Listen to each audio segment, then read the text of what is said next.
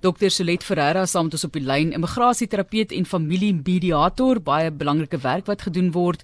En ons fokus op die onderwerp want ek dink so baie mense in Suid-Afrika ervaar dit waar hulle kinders besluit om oorsee te gaan werk of dan ten volle te emigreer. En ons kyk na die navorsing wat sy gedoen het. Die titel daarvan was Parents Left Behind in South Africa After the Immigration of Their Adult Children: An Experiential Journey. So ons kyk na die keuses natuurlik eerstens om uh, vir 'n volwasse kind om te emigreer. Baie welkom dokter.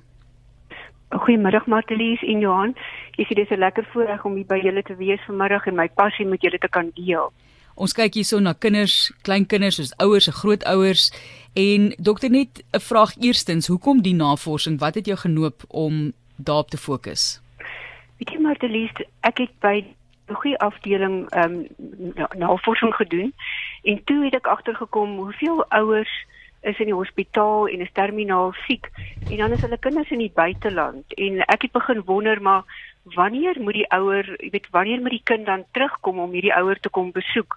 En toe het ons uitgevind maar daar forsing gedoen in Suid-Afrika spesifiek oor die ouer, jy weet in die ouer se emosionele belewenis van immigrasie en daarom het ek hierdie navorsing gedoen om te gaan kyk spesifiek wat ervaar die ouer wanneer sy volwasse kind en dan ook sy kleinkinders immigreer en hoe kan ons hierdie ouers bystaan?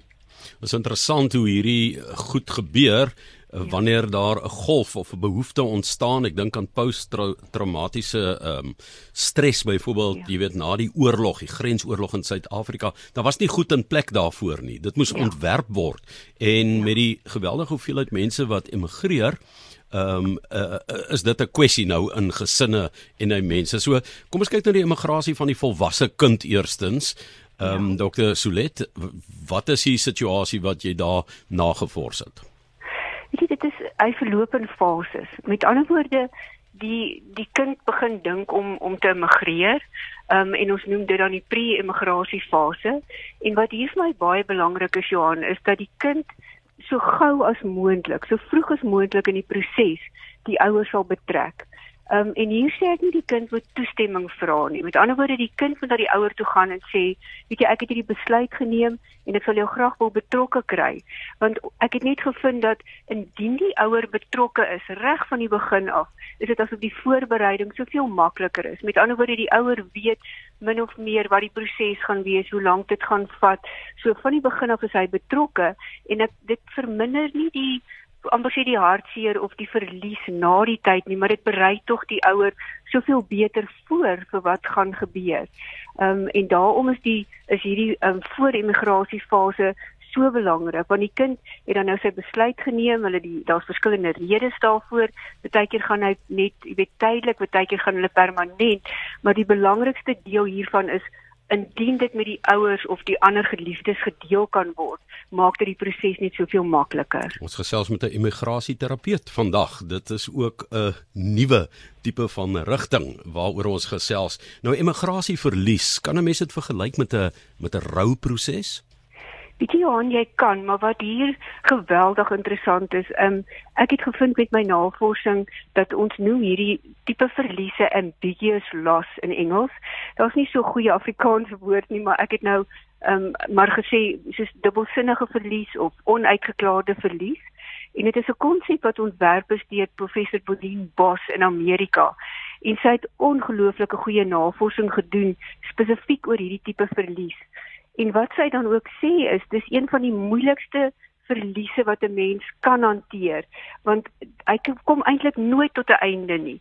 Want as jy nou byvoorbeeld gaan kyk na immigrasie, die oomblik as die kind nou sê, weet jy ons gaan immigreer um, en die proses begin, dan hou hierdie proses regtig nooit eintlik op totdat een van die partye dan ek wil amper sê oorlede is nie want elke keer as die kind kom kuier dan word die proses dan weer van voor af herhaal.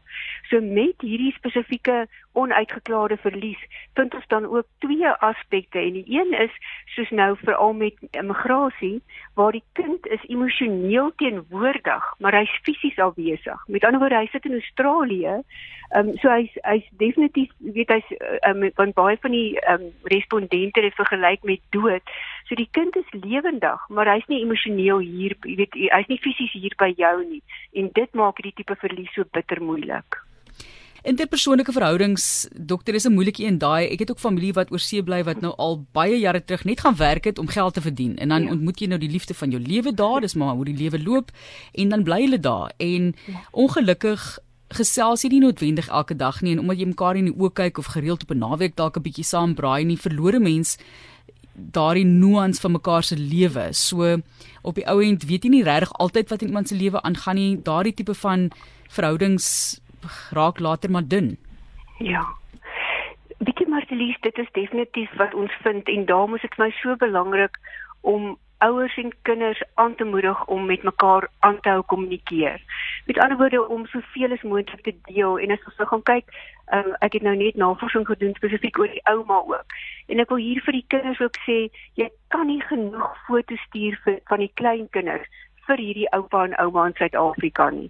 So behou die kontak. Jy weet, ehm um, laat hulle weet as die kind byvoorbeeld 'n 'n konsertjie het. Stuur die foto's want jy kan nie glo hoeveel van hierdie oumas en oupas deel hierdie foto's nie. En dit is eintlik al kontak wat hulle het met hierdie kleinkind.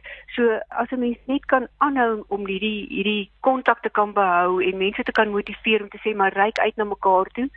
Ek sou ook byvoorbeeld sê as jy 'n SMS of 'n WhatsApp stuur en die kinders reageer nie onmiddellik nie, weet moenie opgee nie. Moenie moenie dan net besluit maar hulle wil nie met my kommunikeer nie. Jy weet hou aan wanneer hulle dan weer kan kommunikeer, sal hulle wel met jou gesels. Nou dan wat daai kommunikasie betref, is dit nou wat sal ons sê transnasionale ehm um, kommunikasie wat moet plaasvind want jy gaan nou oor tyd en grense heen begin werk maar daar is moderne tegnologie uh, maar maar is 'n nuwe vorm ook van kommunikasie wat jy moet skep. Absoluut Johan. En soos wat jy nou sê, die tydsones maak dit ook ontsettend moeilik. Een van my respondente het vir my gesê, jy weet my kind, ons kan nie eers op dieselfde tyd na mekaar verlang nie want wanneer hulle slaap is ons wakker en wanneer ons wakker is dan slaap hulle. So dit verg van jou ook 'n beplanning, jy weet om te sê, ehm um, kom ons kommunikeer met mekaar op 'n Sondagoggend wanneer weet wat wanneer die kind betrokke beskikbaar is, wanneer jy as ouer beskikbaar is. So ek dink net om 'n vaste afspraak te kan maak. Ehm um, want weet jy Johan, vir die ouer is dit geweldig belangrik. As hy weet elke 2 weke 8 uur op 'n Sondagoggend, dan kan ek met my kind kommunikeer. Jy kan nie glo hoeveel ouers leef vir daai tyd om net met die kind te kan kommunikeer nie. So ja, dit verg van ons um, 'n um, tipe aanpassing en daarom ook vir die kinders voordat hulle dan immigreer om te sorg dat die ouers se kommunikasienetwerke um, daar gestel is dat hy weet hoe werk die internet dat hy weet hoe om met hierdie ouer te kan kommunikeer. So dit is dit is ontsettend belangrik vir die vir die ouer wat dan hier in Suid-Afrika bly. Goed, so ehm um, dit is 'n interessante nuwe veld van mense bymekaar bring en stuur deur die prosesse waarmee jy nou werk. Dis Dr. Solet Ferreira, eh, immigrasieterapeut en familiemediator en die twee gaan hand aan hand want ek dink dit kan families ook um, omkrap en uitmekaar skeur en uiteindelik kan dit ook vir hulle nader aan mekaar bring as hulle die pad saam stap en en dikwels het 'n mens net 'n bietjie leiding nodig. Maar dankie vir die gesels en ehm um, sterkte met die werk wat julle doen. Ek dink ehm um, dit is maar jy weet deur die wêreld is daar geweldige migrasie. Ehm um, deel daarvan is soos die vlugtelinge krisis. Dit raak nou miskien nie vir ons in Suid-Afrika so baie nie, maar ehm um, daardie mense gaan almal voor dieselfde uitdagings van verlies te staan kom. Uh mense wat hulle moes agterlaat en nuwe horisonne wat oopbreek. So Dr. Solet, um sterkte met al die navorsing en al die dinge wat nog gedoen moet word. Ag baie dankie Johan, dankie Martelies, dit was lekker om met julle te kon gesels vanmiddag.